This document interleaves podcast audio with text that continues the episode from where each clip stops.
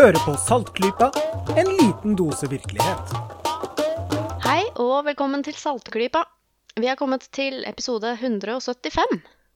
I dag er det 24. oktober 2018. Eh, mitt navn er Kristin, og med meg i dag har jeg Lisha Hallo, hallo, alle sammen. og Jørgen. God morgen og god kveld. God morgen og god kveld. Det er viktig å helgardere seg når man eh, Ja, jeg har begynt med det. tar opp, sånn at folk kan jo høre på whenever.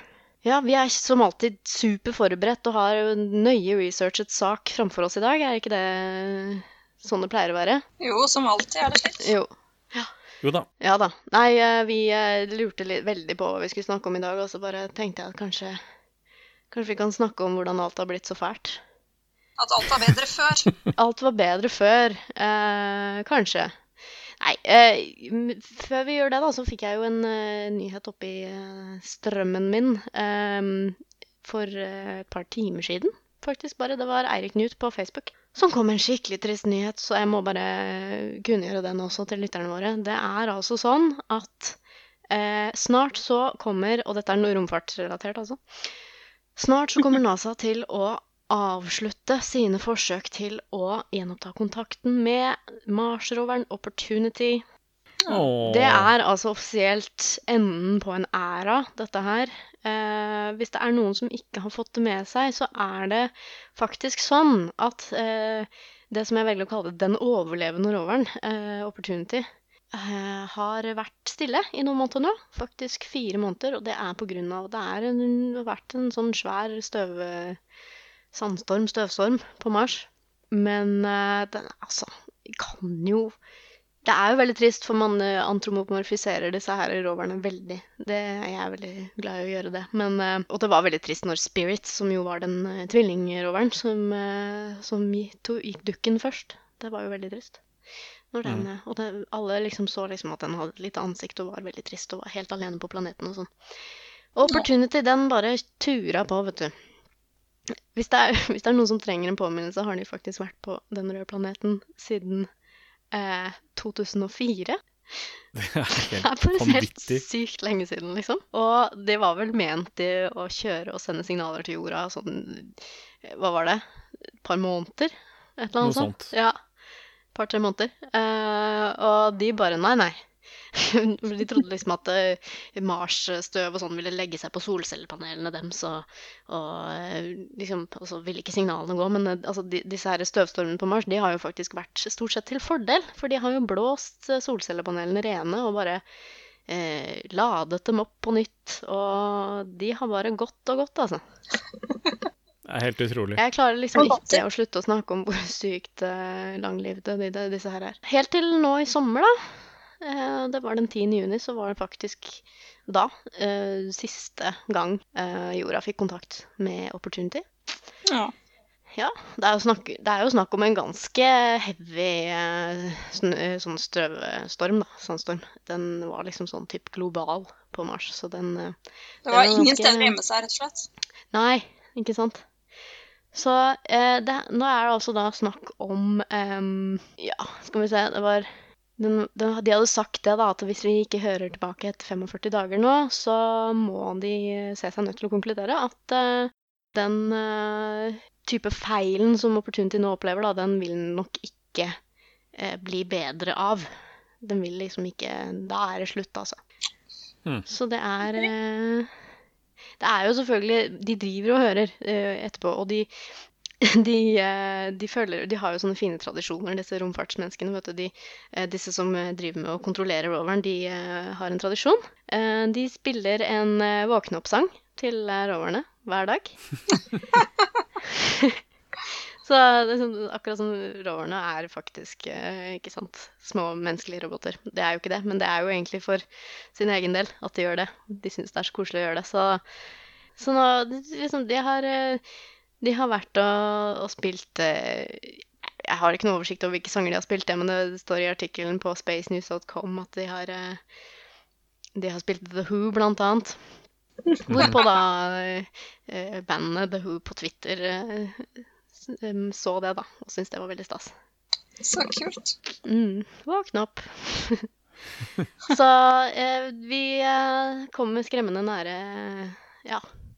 Skremmende nære opportunities. Endelig.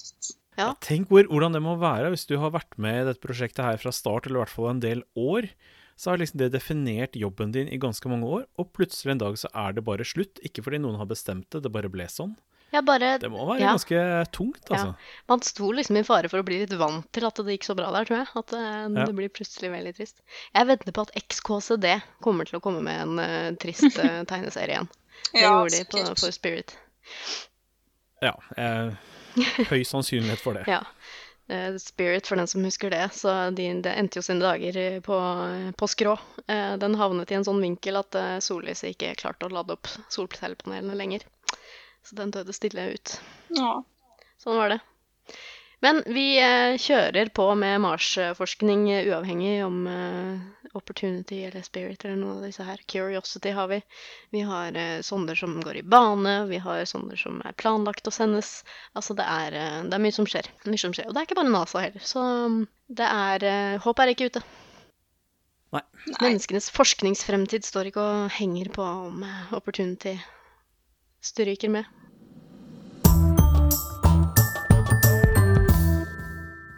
Ja, folkens. Eh, alt var bedre før. Eh, skal vi ha det som utgangspunkt for dagens episode? Vi har jo ikke noe særlig annet å snakke om. Så, og da kan vi jo være litt gamliser og hytte litt med neven, kan vi ikke det?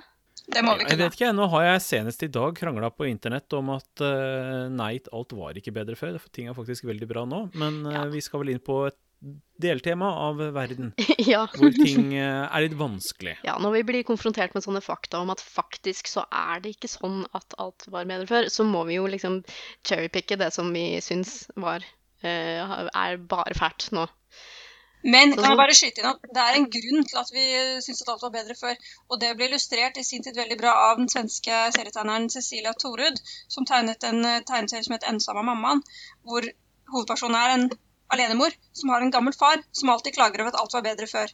Og fordi han er Ja. gammel og ikke helt frisk og sånn, så vil hun ikke være slem og si imot det, men til slutt så blir hun så lei av det. Så hun sier, når han sier dette, 'Å, alt var bedre før', så sier hun 'Men hvorfor, pappa?' På hvilket sett var allting bedre før? Og da blir han stille litt.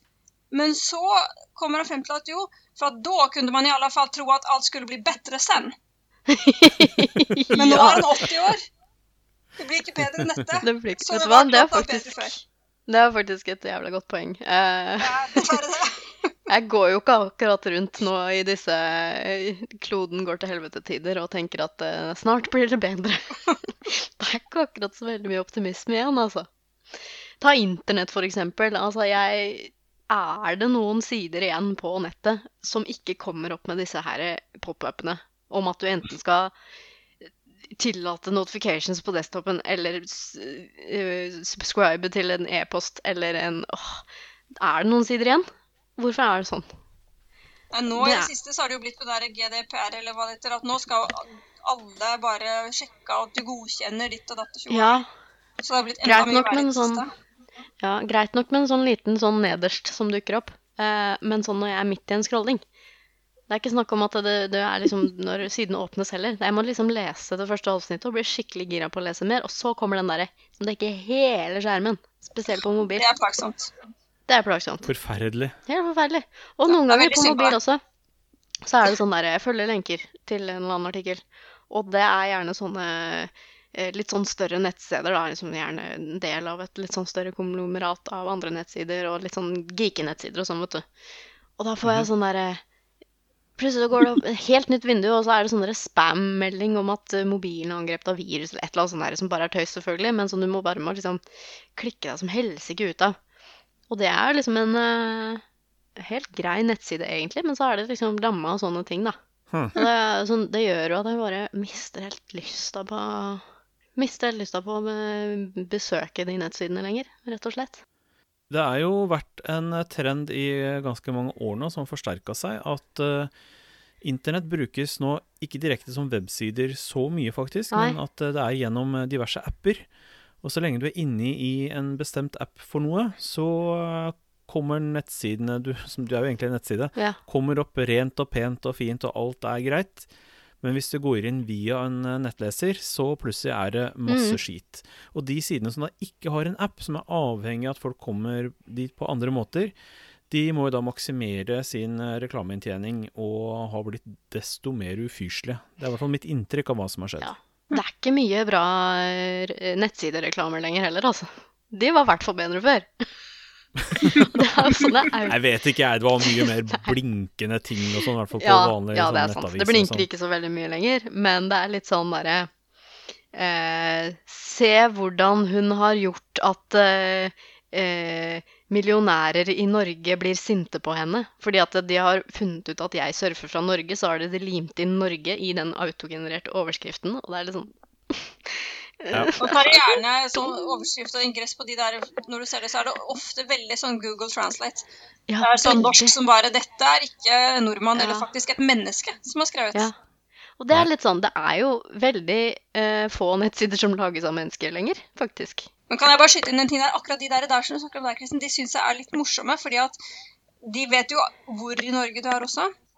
Ja. Mm. Og jeg får ofte, fordi jeg, eh, jeg bruker samme PC-en hjemme og på jobb, og eh, fordi jeg jobber eh, i Buskerud, så vet Ja. ikke maskinen at jeg bor i Oslo.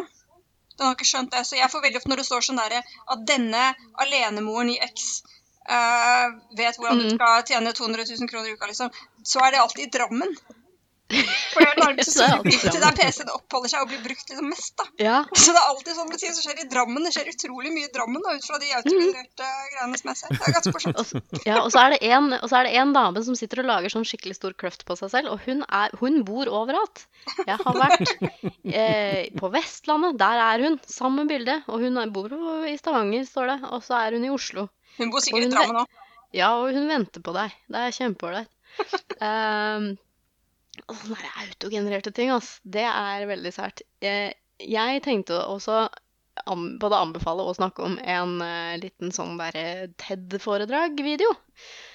Eh, som er ganske Den er all slags. Uh, det er altså en fyr som heter eh, James Bridle. Som eh, sikkert noen som har sett den også, eh, så av lytterne våre. eh, som har da eh, avslørt et eh, ja, et mørkt, mørkt hjørne, hjørne av internett. Eh, en av mange, selvfølgelig. Eh, og som er rett og slett da eh, YouTube-videoer. Som da for eksempel, som han innleder med, da. Som begynner, og så ser du det er noen hender der, og så åpner de Kinderegg. De tar av papiret på Kinderegget, og så tar de fra hverandre sjokoladen, og så tar de opp den boksen med leke, og så viser de frem den leken som de da får inni. Og det er det. Ja, og så åpner de et nytt egg. Og så et nytt. Ja. Og så et nytt, og så et nytt. Det som er spesielt med de videoene, er at de har sånn titalls millioner views. Ja, den som han viser dem, har vel 30 merkelig. millioner. Han Ja, eh, ja, i hvert fall liksom kontoen eh, har også sånn der hundretusenvis av subscribers. Eh, og eh, da titalls millioner av views. Eh, hva skjer her? Jo, det som skjer, sier han er at eh, det er bitte små barn som sitter og ser på dette her, og får sånn derre dopaminkick, ikke sant? Av å liksom se de hendene åpne, og så og, bare, Å, hva er, det som, hva er det som er inni? Hva er det som er inni? Jo, det er det som er inni! Og så får de den der belønningen, og så ser de den en gang til. Og så ser de den en gang til, og så ser de den en gang til, og så ser de neste video, og så ser de neste video, og så ser de neste video. Eh, Mm. Og det bare kjører og går. Og det er jo da eh, en pengemaskin uten like. Eh, Det er sånne her eh, surprise egg-videoer, og så har du også det som heter Finger Family Song. Som er en sånn der eh, skikkelig fæl sånn sang som du kan få på hjernen. Eh, hvor du da eh, ja, har veldig, veldig mange forskjellige versjoner av den, da. Som synges til veldig mange forskjellige altså, situasjoner og eh, versjoner av den, da. Mhm. Og det er liksom eh, for, for meg som voksen, da, så får jeg litt sånn samme følelsen av når jeg ser disse her som, som faktisk er legit barneprogrammer på TV. Sånn som Drømmehagen. Jeg vet ikke om dere har sett det? Jo da, jo da. Ja, det, du har vel sett det, Jørgen? Ja da. Jeg synes det, den er litt sånn uh, syredrevet. Men det er jo faktisk uh, Jeg vet ikke om det er så sunt, men det er jo faktisk laget med veldig, veldig små barn. Ja, det er jo veldig, veldig små barn i tankene de har hatt, eh, mot at de liker rolige eh, stemmer. eh, Veldig sånn derre nonsens Sterke farger, masse Ja. Masse gjentagelser. eh, Eh, ja. enkle Ikke noen sånn setninger eller sånn, bare lyder. Ja. Gjerne fordi at i den alderen så eksperimenterer de jo med språk, ikke sant? Og det kanskje da stimulerer dem til å eksperimentere med språk, da, hvis de ser noe sånt. Det er språk, da, det kan jeg si, etter at uh, de siste gangene jeg har sett Drømmehagen, har det bare vært på samisk. Ja. uh, og da innser de at man eh, Det blir jo enda mer abstrakt, da. Ja. Riktig. Eh, når man ikke skjønner samisk, for det gjør jeg altså Ja. ikke. Eh, jeg, har, jeg fant en sånn der, litt sånn sarkastisk skrevet uh, avisartikkel som, uh, som jeg skal uh, lime inn på shownotes her, som dere kan lese i ettertid, hvor eh, det er en som beskriver sin opplevelse av drømmehagen. Eh, sannsynligvis en som ikke har småbarn, da, som ikke helt Men han har liksom tolket det som eh, Det går an å tolke det på veldig voksne måter, skjønner du, de tingene som skjer eh, i drømmehagen. Og da blir Det gjør det nok. Ja, Sånn som hvorfor kommer eh, hva er det heter, Hinkelpinkel og et eller annet eh, ut av skogen alltid, og så kniser de og holder hverandre i hendene. Hva har de gjort? Hver gang. Sånne ting. Veldig morsomt. Ja, men de der YouTube-videoene, der er det noen som har funnet måter å cashe inn på noe som jeg tror alltid har vært, og det er små barns trang til å få ting repetert.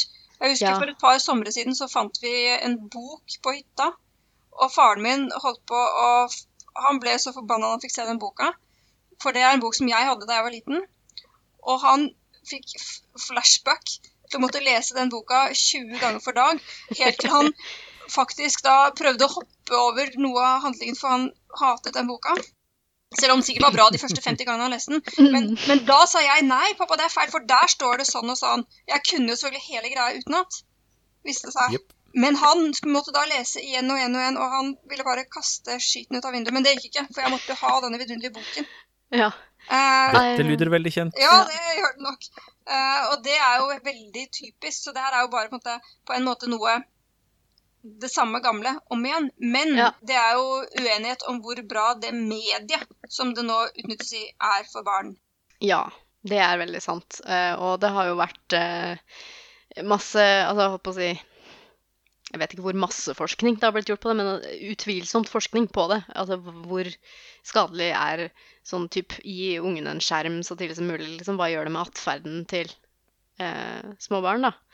Og det er vel en eh, Uten at jeg har den oppe nå, så mener jeg det var en studie fra i hvert fall 2012 sannsynligvis oppdatert eh, senere av andre forskere, som da eh, konkluderer med å ikke anbefale skjermer til barn under tre år i det hele tatt. Eh, fordi de Ja. har sett visse utviklinger når de blir større, da. Eh, nå vet jeg ikke jeg om det aller, aller siste av forskning. Nei, det var- en artikkel her fra VG du hadde funnet Ja. fram. Uh, Den blir vel det er- sitert lite grann i den, tror jeg. Ja, det er en uh, svensk barnelege som heter Hugo Lagerkrantz som uh, siteres, og så er det en norsk barnepsykiater som heter Melanie Eckholt, Mm. som er enig. Eh, men det er eh, Jeg vet ikke, jeg. Jeg ser hva de I hvert fall åssen det framstilles i den artikkelen, så det er mye synsing. Det er mye synsing, det er det, og det er derfor jeg var så veldig usikker. Eh, Så jeg måtte liksom finne frem den forskningsartikkelen bare for å ha den oppe. Så vi kan eh, i hvert fall ha det på det rene, at vi, vi vet hva vi linker til. Eh, Men sånn som Drømmehagen, den er jo basert på barn under tre år. Den er jo Mhm, faktisk rettet mot barn, så da vil jo Sånn som NRK, for eksempel, da, som har sendt dette her, være uenig i at det, det er skadelig. Drømmehagen er skadelig. Så Nei, jeg vet ikke. Altså, vi, vi Altså, jeg, da jeg vokste opp, var jo litt begrenset av det der at jeg måtte vite hvordan jeg håndterte en eh, VHS-maskin. Eh, Jeg måtte stoppe og spole tilbake før jeg kunne se den på nytt, f.eks. Jeg kunne ikke abonnere på en eller annen eh, videokassett som kom med nye videoer automatisk hele tiden. Så det er jo mye mer Det er mye mer tilgang, da.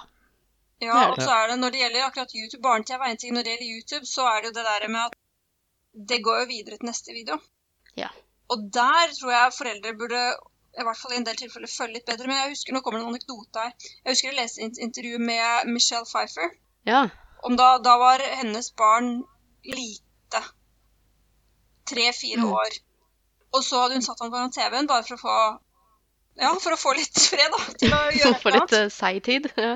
Og så plutselig så begynte han å gråte og var helt fortvilet. Og da viste det seg at det hadde vært eh, en musikkvideo på TV, og det var den derre Gangsters Paradise. Ja. Den, eh, nå husker jeg ikke hva den eh, skolefilmen heter. Lærerfilmen. Hun spilte en lærer i en Yes.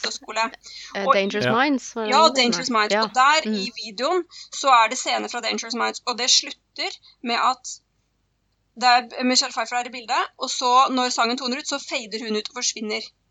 Og når Ja. sønnen hennes så det, så ble han helt fortvilet. Å nei. Det var mamma, og hun ble borte.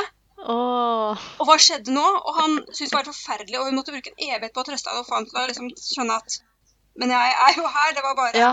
For han klarte ikke å skille mellom fantasi og virkelighet, ikke sant?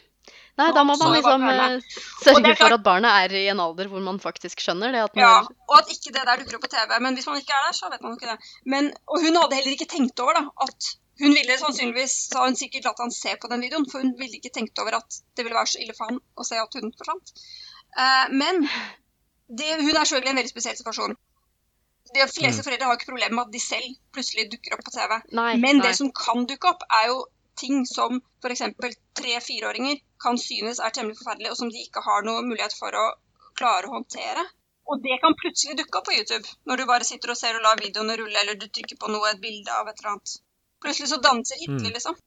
Det som, gjør, eh, det, det som gjøres, da, er at det ikke bare lages det millioner, eller i hvert fall titusenvis av disse her eh, videoene med Kinderegg og håndsangvideoer. Eh, De gis også sånne titler som er sånne nøkkelordtitler. Da, sånne lange strenger med ord som er populære på YouTube. Det er én ting. Sånn at hvis foreldrene da ikke skrur av den der at videoer anbefalte videoer automatisk starter etterpå. Det er jo den farligste som du kan gjøre, egentlig. Ja. Eh, fordi da går det jo på neste nøkkelord, da, hvis det er et eller annet litt sånn på kanten nøkkelord i den lange, lange, lange tittelen, da, så plutselig så har du liksom Da har du det gående. plutselig så har du all slags som ikke er eh, så egnet for en, eh, en treåring, for eksempel. -hmm. Og i tillegg, i tillegg til at folk lager sånne videoer av veldig, veldig basic ting, som er veldig, veldig um, dopamininduserende da for barn, så er det jo ikke alltid eh, folk lager videoer engang. De lager seg selv. Og Det er jo er utroligste. ganske sykt. Eh, videre i denne YouTube-videoen så snakker han også om at det fins altså eh, du, kan, du kan lage videoer på en måte automatisk da, og mashe det sammen på en sånn algoritmisk måte. Ved å liksom, ja, jeg vet ikke, skyte inn noen noe populære nøkkelord, da, ikke sant? Av eh, ja, tegnefilmkarakterer, ikke sant? Og så kommer det sånne derre helt, helt syke, syke, syke ting. Eh, kan tolkes på veldig mange måter. Eh, spesielt sånne måter som kanskje ikke barn helt skjønner noe av, men som voksne tenker at her Dette var jo all slags. Um, så det er litt sånn derre Når ikke engang videoene er laget av noen, da Og liksom bare fortsetter å bli produsert av en eller annen algoritme, det er jo, syns jeg, er jo veldig spesielt for vår tid. Ja. Det er litt sært. Definitivt. Og det, er jo, og det er jo en sånn Du kan stille det inn da, til å bare rake inn penger. Ja. Um, Det er jo det som er, eh, han nevnte opp som motivasjonen, er jo å tjene penger, bortsett fra at ingen kjenner algoritmen, så de bare prøver ut masse ting. Ja. Og det er noe av grunnen til at det er så himla mye sært, fordi eh, det er omtrent umulig å gjette hva som vil treffe, så da setter du heller en algoritme til å lage masse forskjellig, Ja. og så ser man hva som funker. Og dermed så dukker det opp en haug med snodige ting som Ja. eh, ikke alt er like bra for barn, kanskje. Eh, jeg husker eh, liksom da vi var Altså da jeg var sånn type student for første gang, eh, midt på 2000-tallet, da var liksom disse her internettmemene begynte å bli en greie. Kattebilder med tekst i fonten Impact på, eksempel, var veldig, veldig populært eh, på midten av 2000-tallet. Eh, og det har liksom eh, Man har liksom på en måte lært seg memer og bare Å ja, det er, det er det memet der, og det er den der eh, figuren der, husker jeg. Den, jeg skjønner den referansen.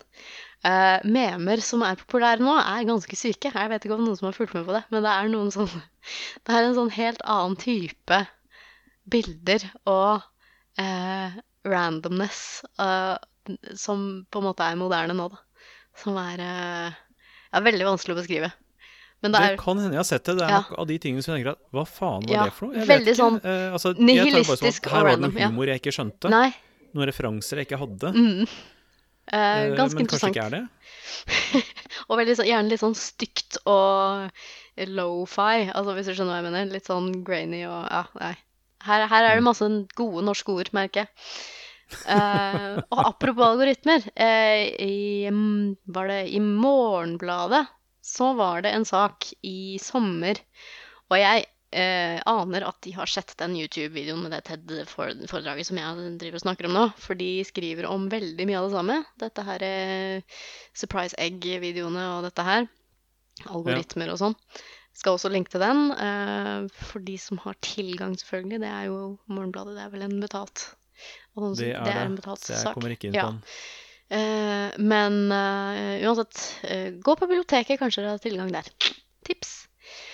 Eh, Smart. ja.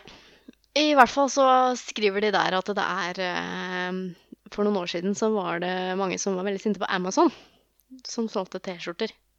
Og på en av de T-skjortene så sto det noe forferdelige greier. Eh, Du har denne her, En av disse memene da som har blitt veldig kjent eh, for noen år siden, som eh, Du har den derre som var under krigen, vet du, den britiske plakaten 'Keep calm and carry on'. Ja. Har jo blitt uh, remiksa til det uendelige. Plutselig så var det en uh, T-skjorte på Amazon uh, med det memet der, med teksten 'Keep calm and rape a lot'. Eh, hva i all verden, liksom? Hvem er det som har godkjent dette her? Eh, Ja. Og hvem er det som kjøper det, hvem er det som lager det? Og svaret, sier de da, det er jo ingen. Det er ingen som har skrevet den teksten, og det er ingen som har trykka den T-skjorta, og det var ingen som kjøpte den. Eh, og egentlig så fins den T-skjorta omtrent ikke. Den eksisterer i en sånn der kvantemekanisk tilstand, fordi den annonsen der har blitt automatisk generert eh, ved hjelp av liksom Ja, altså noen har kjørt masse ord fra en ordbok inn i et skript, da. Ja. Så de har liksom brukt den derre keep calm and, og så har de bare tok, tatt resten liksom autogenerert, da. Med diverse ord. Og så har de autolaget T-skjortedesign og autolaget annonse på Amazon. Eh, veldig mange ganger. Herlig. På et tidspunkt så hadde denne kanalen der da en eh, halv million autogenererte T-skjorter til salgs. Eh, og her har vi liksom hvor hva verden har kommet til, dere. Eh, man kan jo liksom spørre seg er det flest sånne ting nå, eller er det flest eh, Altså jeg har jo inntrykk av at sånn, tenk websider, da. Jeg kan godt tenke meg at det er, eh, de aller fleste websider er liksom bare møl som ingen vet hva er. Mm.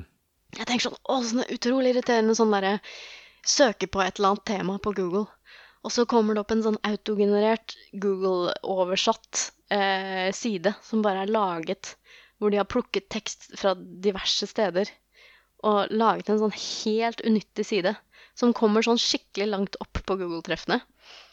Jeg vet ikke om dere har Ja, men det eh, tror jeg var verre før. Det er mitt Ja, inntrykk, i hvert fall. De har kanskje begynt å gå litt hardt ut mot dem. Ja, jeg tenker meg sånn for en eh, fem år siden sånn, Ja. syns jeg at det var mye oftere at jeg møtte på de søppelsidene som var noe autogenerert tull. Ja, sikkert. Å, det er, føles litt sånn deilig å hytte litt med neven og skjelve litt med gåstolen. Jeg føler jeg er litt sånn uh. Men vet du hva, jeg kan bare skyte noe at det der kan faktisk være nyttig, på en måte, det der at de følger med på hva du driver med. Eh, For jeg så noen på nett som drev og klagde over at en del reklamer er så dårlige, da. Mm. Og noen ganger så ser du reklamer som er så dårlige at du tenker at bare pga. reklamen så skal jeg ikke kjøpe noe fra de folka. ikke sant? Og den personen klagde over at hvorfor er det ikke mulig å få sagt til firmaer at pga. den reklamen så vil jeg ikke ha produktet deres. Mm. Eh, og da var det en Ja. som eh, stakk at det visste ikke hvordan man kunne sagt det direkte, men det som den personen pleide å gjøre, når det var en sånn annonse som var så elendig dårlig, så pleide han å gå til Google og skrive inn forskjellige varianter av 'Jeg hater produkt X'. Produkt X er dritt. Produkt X er sånne ting. Fem-seks ganger. Og da Ja. skjønte Google det. Og så etter når det var gjort, så så han aldri så reklame for det produktet igjen. Ja, ja, ja. Så Så tydeligvis så kan det brukes til noe nyttig også. Si det til maskinen, og maskinen ordner opp. Ja. Maskinen hjelper deg. Fantastisk. Storebror hjelper deg. Ja, ikke sant? Noe som jeg også syns var verre for uh, ikke så veldig lenge siden, men et et par år siden kanskje, var uh, særlig på Facebook at det dukka opp reklame for ting som var sånn Hæ, hva i all verden er den tingen der? Det er, det er så snodig, så rart at jeg og Overskriften passer ikke med bildet. Hva, hva faen er det for noe? Bare klikke inn og sjekke. Og så er det jo selvfølgelig ingenting. Men du kommer inn på en ny side med masse reklame. Mm. Eh, så det er rett og slett en form for clickbait fordi ting er rart, så lurer det deg inn. Ja. Men det har uh, blitt slått ned på, i hvert fall hos Facebook, da, så det er uh, sjelden jeg ser i den grad nå lenger, i hvert fall. Man kan jo lure på hva det neste blir, som, som, man, som man pleier å si. Ja, for man vil jo alltids prøve seg. Ja. Selvfølgelig. Det, du ser jo, det går jo i sånne bølger. Mm. Med liksom at eh, sånne reklamesider prøver seg på nytt, og så er det noe som funker. Og da ser du bare overalt, så kommer det der. Så det har liksom gått fra disse vanlige, typiske clickbait-overskriftene som vi ble så kjent med for noen år tilbake. Det har nesten gått litt tilbake. Ja, for folk folk blir lei av det, det. og da funker det ikke lenger. Og da må Ja, prøve folk skjønner det, ikke sant? Så kommer det en ny bølge med et eller annet. Mm. Helt til vi skjønner, Ja, og... det. og seriøse medier har stort sett eh, bestemt seg for at de skal slutte med clickbait-overskrifter fordi de får motvilje mot seg, så det Mm. er ikke bra for merkevaren. Nei. Um, men, men de sliter også med at de samtidig er avhengig av å få klikk og lesing. Men det som er nå, er at de har eh, De, de algoritmene de bruker for å analysere hva folk gjør, da, de har blitt mye mer eh, avanserte. Så nå sjekker de ikke bare om folk har klikka seg inn på en artikkel. De sjekker hvor lenge man faktisk er på sida, hvor langt ned man scroller Ja. og Så Mm. Sånn at øh, det funker ikke på samme måten lenger å bare lage en clickbait-overskrift, for du får ikke det samme igjen for det Mm. øh, statistikkmessig som man øh, gjorde før. da. Mm. Jeg lurer på hvor mange Facebook-videoer eh, og YouTube-videoer som jeg har liksom bare slutta å se når den der eh, reklamen midt i kommer. Selv om det liksom varer kanskje i ti sekunder, så bare Nei, jeg gidder ikke mer, altså. Nei. Og klikker ut. Lurer på om de måler det òg, ja, og kanskje liksom slutter med det et- etter hvert. Det tror jeg ikke. Helt sikkert. Vi måler alt. Det var det. Men eh, har eh, din datter, Jørgen, ser hun på sånne Kinderegg-videoer, eller? Nei, Hun er vel kanskje øh, ikke nesten gammel altså når jeg har lest disse her sakene her, sånn, så er jeg litt sånn øhm, Passer ikke foreldra på ungene sine? Nei, det er ikke sant? uh, min datter er i en alder hvor hun trenger hjelp til å sette på alt mulig rart. Hun finner ikke ut av det sjøl. Så da er det jo foreløpig veldig enkelt å ha kontroll med hva hun ser på. Mm. Det varer ikke. Eh, nei, det var det ikke. Men altså, vi starta med at skjermtiden hennes hovedsakelig var eh, NRK barne-TV, for den er barnevennlig.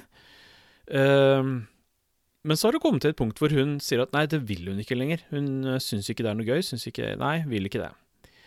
Eh, og så har hun via impulser fra barnehage og sånn, funnet at det er andre ting som finnes på andre steder, gjerne strømmetjenester, som hun veldig, veldig gjerne vil se, og er helt hekta på. Så nå ser hun knapt noe barne-TV i det hele tatt. Mm, Ja. Men så er jo faren at det er noen ting som da er på YouTube, og så har du den autoplay-funksjonen. Du har kanskje satt på noe som du vet veldig godt hva er, eh, men så skal du eh, gå på kjøkkenet og lage noe mat og et eller annet, og det er ikke alltid du bare kan løpe fra når du hører at eh, den videoen som durer går inn i stua, er over. Og når du kommer tilbake, så har autoplayen satt i gang med noe Ja. annet. Og da er det jo ikke alltid at det er akkurat det du ønsket, for å si det sånn. Mm. Men det som er at du skal ha spilt av noen videoer på rad før Autoplayen begynner å gå ned i det virkelig eh, absurde. Ja. uh, så jeg anser ikke det som foreløpig noe stort problem. Uh, stort sett så er dattera mi sånn at hvis det er et eller annet som er helt absurd som ikke hun skulle ha sett, så syns hun ikke det er noe særlig å se på. Så hun uh, sier fra at det er noe gærent. Eh, så foreløpig så har ikke jeg noe egentlig problem med det. Nei, og så sier jo han Jeg har ikke vært og utforsket dette her eh, barne-YouTube, barnedelen av YouTube. Altså sånn egen avgrenset uh, greie. Men den skal visst være sånn at uh, du har faktiske folk som sitter og modererer Ja. uh, videoene. Så der har du ikke så mye sånn algoritmelagede videoer og sånn. Nei, det er bra. Ja. Nei, jeg har heller ikke sjekka ut den. Nei. Jeg har ikke hatt behov for den. Nei. Det er så mye rart uansett, så. Men det er jo Altså det er jo noen øh, Den artikkelen vi nevnte i stad i VG, hvor det er veldig sånn Nei, barn skal ikke se TV Nei. før de er tre år. Det er jo veldig VG. Det er jo det. Eh, Ja, det er veldig VG. Og der har jo NRK vært inn og sagt ifra at ja, men øh, hvis man er seriøs og gjør dette ordentlig, så, som vi gjør, så er det jo helt greit å se litt TV. Og der mener jo jeg personlig at NRK har rett. Det er noe med eh, at man kan Altså, det er forskjell på barn. Eh, noen vil gjerne ha ansiktsstimulering hele tida, altså sosiale ting hele tida. Ikke alle er sånn. Ja, og noen er veldig Eh. lettskremte, og andre er ikke lettskremte i det hele tatt. Ja, i hvert fall vi har konkludert med at uh, vårt barn uh, trenger pause fra det sosiale stadig vekk for å hente seg inn. Mm. Og det virker som det hjelper for henne å se litt TV, gjerne noe hun har sett uh, 40 ganger før. Mm. Det er helt fint. Da har hun det veldig mye bedre etterpå. Uh, så jeg syns ikke folk skal være så veldig redd for det, altså. Og tilsvarende Jeg bare t- ta eh, Det er en episode av eh, Foreldrerådet, en podkast jeg anbefalt tidligere. Uh, skal vi se Hvor hadde jeg det nå? Uh, det var episoden som kom ut eh, 12.12.2016 med Hans Petter Nygaard Hansen, som er en sånn teknologisynser. Mm.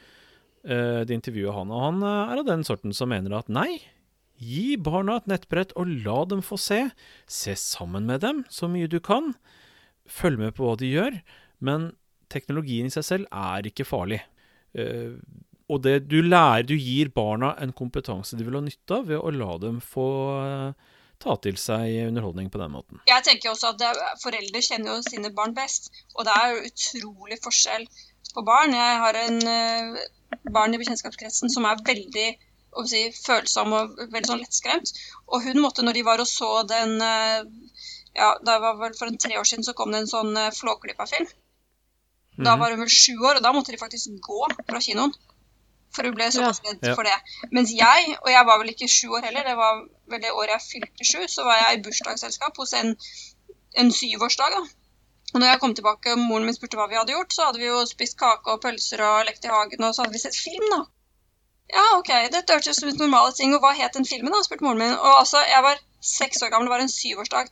Jo, den filmen den het Haisommer. og jeg har det kjempefint. Jeg elsker den filmen. Ser den sikkert to ganger i året fortsatt. Jeg har sett den 40 ganger. Elsker den.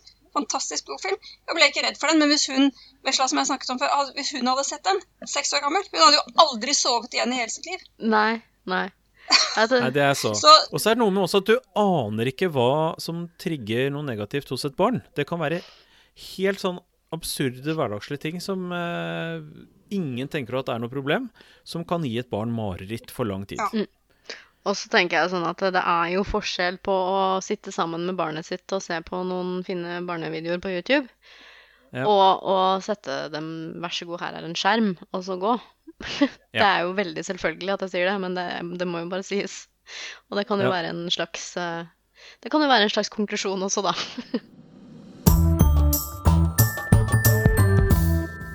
Jeg har lyst til å bare fortelle en liten anekdote fra min egen barndom. Ja. Eh, fordi eh, jeg så jo litt sånn barne-TV, ikke mye, men litt barne-TV, på vår lille svart-hvite reise-TV som bare tok inn NRK. Fantastisk. Ja. Propaganda. Eh, ja. og da var det eh, Eller jeg tror jeg skal starte med marerittet, for det er der egentlig historien for meg begynner. Eh, jeg hadde det, altså det tidligste marerittet jeg husker, og jeg må ha vært i treårsalderen. Eh, det var at jeg var en klump med leire og havnet inn i noen tannhjul som drev og knuste meg rundt. Og det var hele tiden så kom det nye, og jeg skulle knuse Ja, det var helt forferdelig. Helt grusomt. Ja, så for en treåring, da. Ja, ja. Og jeg skjønte ikke hvor dette kom fra. Jeg virkelig grubla på det. Det er en grunn til at jeg fortsatt husker det, for dette er en sånn drøm som bare Jeg skjønner ikke hvor det kom fra engang heller, så det har jeg gjenoppkalt i minnet ganske mye. Så plutselig, for noen år sia, så så jeg noe på TV som var gammelt barne-TV-program, som sannsynligvis er triggeren for det marerittet.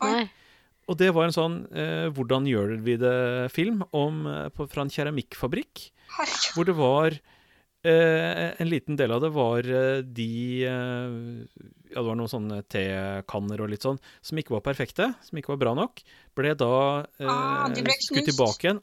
De ble knust opp gjennom sånn sånne tannhjulssystemer og gikk tilbake til Oh eh, som eh, leire. Så det er sannsynligvis det jeg har sett, og, og bare totalt mareritt som virkelig har eh, hengt ved meg i mange, mange, mange år. Ja, Altså, det er jo Yes. ikke noe Altså, en treåring har jo ikke grunnlag for å skjønne en sånn Hva som foregår på en sånn video, sikkert, da. Nei, også i tillegg eh, i drømmesituasjonen, altså kan jo et eller annet som bare var litt rart, kan jo virkelig bli et mareritt Mm. sånn helt uten videre. Åh, de første, Um. de første marerittene jeg hadde, hadde veldig mye med lamper å gjøre. Uh, de var superonde og skulle ta meg. Uff da. Eh, det var en lampe i eh, Jeg tror jeg ikke jeg, jeg tror jeg fikk eget rom først når jeg var fire år, så jeg husker jo veldig godt sprinkelsengtilværelsen på mamma og pappa sitt soverom. Eh, relativt godt. og der var en taklampe, og den var slem. Eh, og det var også sånn at før mamma og pappa bygde et eh, tilbygg til sitt hus Det var jo omtrent en slags toromshus eh, da jeg var helt liten. De bygde på noen rom til. Så, og i enden av den derre grensa da, som var før, i andre enden av stua, der var det kontorpult, og der var det en sånn skrivebordslampe. Den var i hvert fall ond. Den løp etter meg gjennom hele stua. Sånn at jeg måtte liksom inn i sofaen på andre siden av rommet og gjemme meg. Og så våkna jeg da, selvfølgelig. Uff, Ja. Så lamper eh, traumatiserte meg når jeg var liten. Der Mens har jeg satt og så på Haisommer, og alt. Ikke sant? Du er skikkelig herda, du. Ja, man måtte Ja, og det- Mm. Og tilsvarende merker jeg også på dattera mi at hun kan se ting som jeg tenker at å, var dette helt greit? Og så følger jeg litt med på henne. Hun sitter der og følger litt med og ingenting, og, og spør henne litt forsiktig om ting etterpå. Nei, nei, det å, Hva igjen, liksom. Ja. Og så er det andre ting som bare Å, det var skummelt. Å, det er fint hun sier Som fra. Som er liksom Ja, og så er det jo Man vet jo aldri om de sier fra om alt som er skummelt og ikke, da. Så det Nei. Og så vet man aldri om de helt skjønner hva ordet skummelt betyr. Mm. Nei, jeg var, eh, jeg var altfor ung da jeg så eh, første delen av eh, Robocop-filmen. Den er Aha. ganske ille.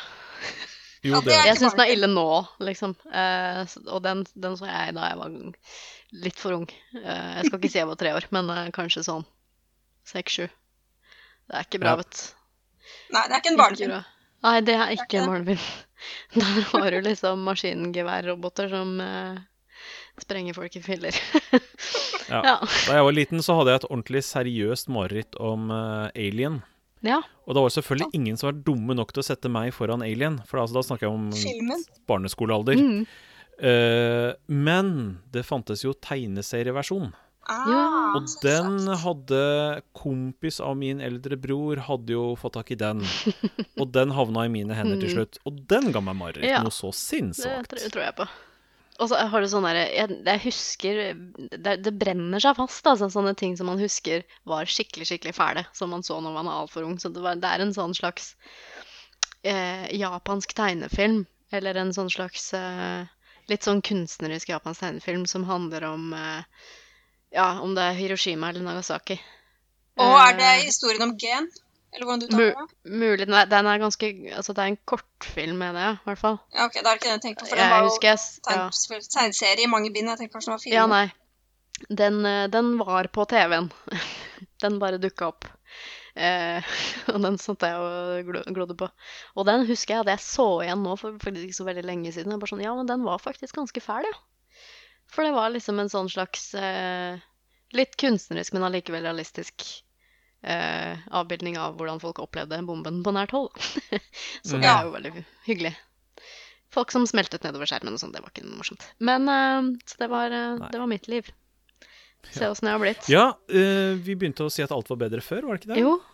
Og her driver vi og snakker om våre mareritt fra barndommen. Ja. Ja. ja, det er jo ikke meningen at det skulle være noe sannhet i det, egentlig. Uh, alt eh, Alt var eh, ganske mye fattigere før, sånn innholdsmessig. eh, Mhm. Kan man si ganske nøytralt. Så kan man da diskutere innholdet. Jo, altså det er jo eh, Det jeg har inntrykk av, er at det var en mer uskyldig tid, i hvert fall i min barndom. Og dermed så var det Man var ikke vant til å forholde seg til ting som var litt kanskje feil publikum og litt sånn. Sånn at man ble redd for veldig lite. Og nå var kanskje jeg litt av de litt mer engstelige ungene i utgangspunktet også. Uh, og jeg har inntrykk av at barn i dag blir utsatt for mer tidligere, og takler det. Ja, det tror jeg. Uh, så jeg er ikke spesielt bekymra, jeg, altså. Nei. Skal vi si det er en grei note å avslutte på og anbefale folk I hvert fall du som har barn, kan i hvert fall få lov til å anbefale folk til å, til å se filmer sammen med barna sine og følge litt med. Jeg skal ikke si Ja, noe, jeg som ikke har den erfaringen ennå, men eh, ja. Nei, følg med på barnet ditt. Ikke bruk det som sånn eh, barnevakt, den der eh, YouTuben. uh, men jeg, jeg er ikke redd for å bruke litt skjermtid og, og sånn, og la dem få lov til å nyte underholdning fra andre medier enn trygge NRK. Mm. Og se gjerne den YouTube-videoen som jeg snakker om først. Den er ganske skremmende og surrealistisk å høre om, de tingene han forteller om. Men han er også litt sånn Han har litt løsninger, og han har litt positive ja, ja, råd og anbefalinger også å komme med på slutten av den videoen. Så det, den kan vi linke til. Den er Kan så vi si det er, det er greit? Og så hvis, vi nå, hvis det var en anbefaling, så kan vi bare fortsette der. Mhm. Jeg nevnte jo denne episoden av Foreldrerådet med han eh, teknologimannen Hans Petter Nygaard Hansen. Men eh, jeg anbefaler Jeg har gjort det før òg, altså. Mm. Men jeg anbefaler gjerne Foreldrerådet som podkast. Det, er vel ikke alle gjestene jeg har like mye tillit til, men stort sett så har de uh, veldig gode fagfolk som de intervjuer, som eh, gir veldig, veldig gode råd. Som er noe helt annet enn det du finner på diverse mammaforumer og sånn mm. rundt på nettet. Så vi skal ikke anbefale boken 'Sensitive barn', altså. Jeg hørte den, den fikk litt medfart. Ja. Uh, ja, Avisa. det har den fått. Jeg har ikke lest den, så jeg kan ikke si noe om den, men eh, Nei, der, har- der, har du, der har du sykeliggjøring av eh, noe som fins, men som kanskje ikke skal ses på på den måten. Men OK. De, Ja. det, er, det er sikkert en bestselger til jul. muligens en ironisk bestselger. Jeg, Det er Ja. også sant. det er mitt perspektiv, da, Ja. men jeg har kanskje litt inntrykk av at uh, prinsessa og hennes kompanjong uh, har blitt mer uh, til latter enn noe annet etter hvert. Har ikke det skolen deres gått konk òg? Ja? De har uh, Ja, de har avviklet ned, ja. den. eh, Ja, ja. Ja. Eh, Den Eller de er i ferd med å avvikle den. Ja, ja. Stemmer det. Men det er klart, altså Finner man på andre businessidéer, så må man jo bare kjøre på. Ja. Regner jeg med. Og ikke begynner å lage autogenererte YouTube-videoer, så er jeg fornøyd. Yes, yes, folkens. Da er det vel på tide å gå og legge seg. Da kaller vi det en dag. Ja, det gjør det. Det gjør vi. Så finner du jo masse interessante linker som vi finner. De skriver vi ned, og så lenker vi det på saltklippa.no. Så det er bare å gå og se. Um, så da eh, snakkes vi vel om eh, Prøver å snakkes om et par uker. Jo. Ok. Da gjenstår det bare å si ha det bra. Ha det så bra. Takk for i dag. Saltklypa lages av Kristin Lisha, Jørgen og Bendik. Har du spørsmål, anbefalinger, ris eller ros, send det til post at saltklypa.no, eller finn oss på Facebook. Lenker til alt vi har snakket om i episoden finner du på saltklypa.no, hvor du også kan abonnere på podkasten for å få hver episode levert på døra helt gratis. Takk til Smart 9000 fra Evig poesi som har laget kjenningsmelodien.